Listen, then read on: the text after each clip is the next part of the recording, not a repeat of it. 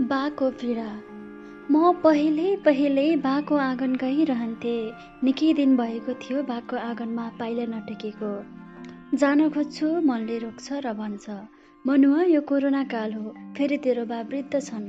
त दिनभरि अफिसमा हुन्छस् कार्य गर्दा गर्दै कता पुग्छस्?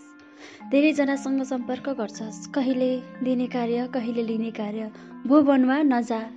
नजा तेरा बाको आँगन तेरा बा वृद्ध छन्।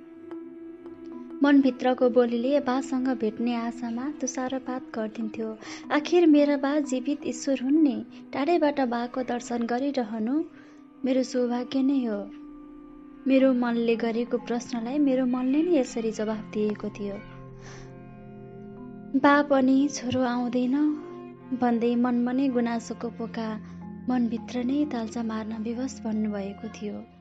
बालाई थाहा छ राम्ररी थाहा छ छोरो परिश्रममा छ मेहनतमा छ। कोरोना भन्छन् के भन्छन्? बदमास कोरोना छ। के ठिक?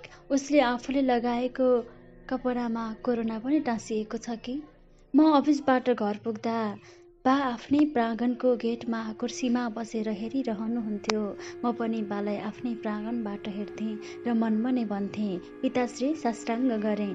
मनको कुरो बाले बुझे जस्तो गरेर हात उठाई आशीर्वाद दिँदै गरेको आभास बलिन्थेँ। सायद बाको मनबाट पनि छोरालाई भन्दै हुनुहुन्थ्यो बाबु यो बदमास कोरोनालाई तैँले सदैव परास्त गर्दै आइरहनु आफ्नै आँगनमा। म सदैव आफ्नै आँगन प्राङ्गणबाट शुभ आशीर्वाद दिन पाइरहँ। नमस्कार तपाईँले सुन्नुभयो कथाभित्रका व्यथा। आज यस कथामा मैले ऋषि तिवारी लखनतरेद्वारा लेखिएको बाको पीडा बनाइमा आफ्नो केही शब्दहरू राखिसकेको छु। आशा छ तपाईँले अवश्य मन पराइदिनुहुन्छ। शुभ दिन।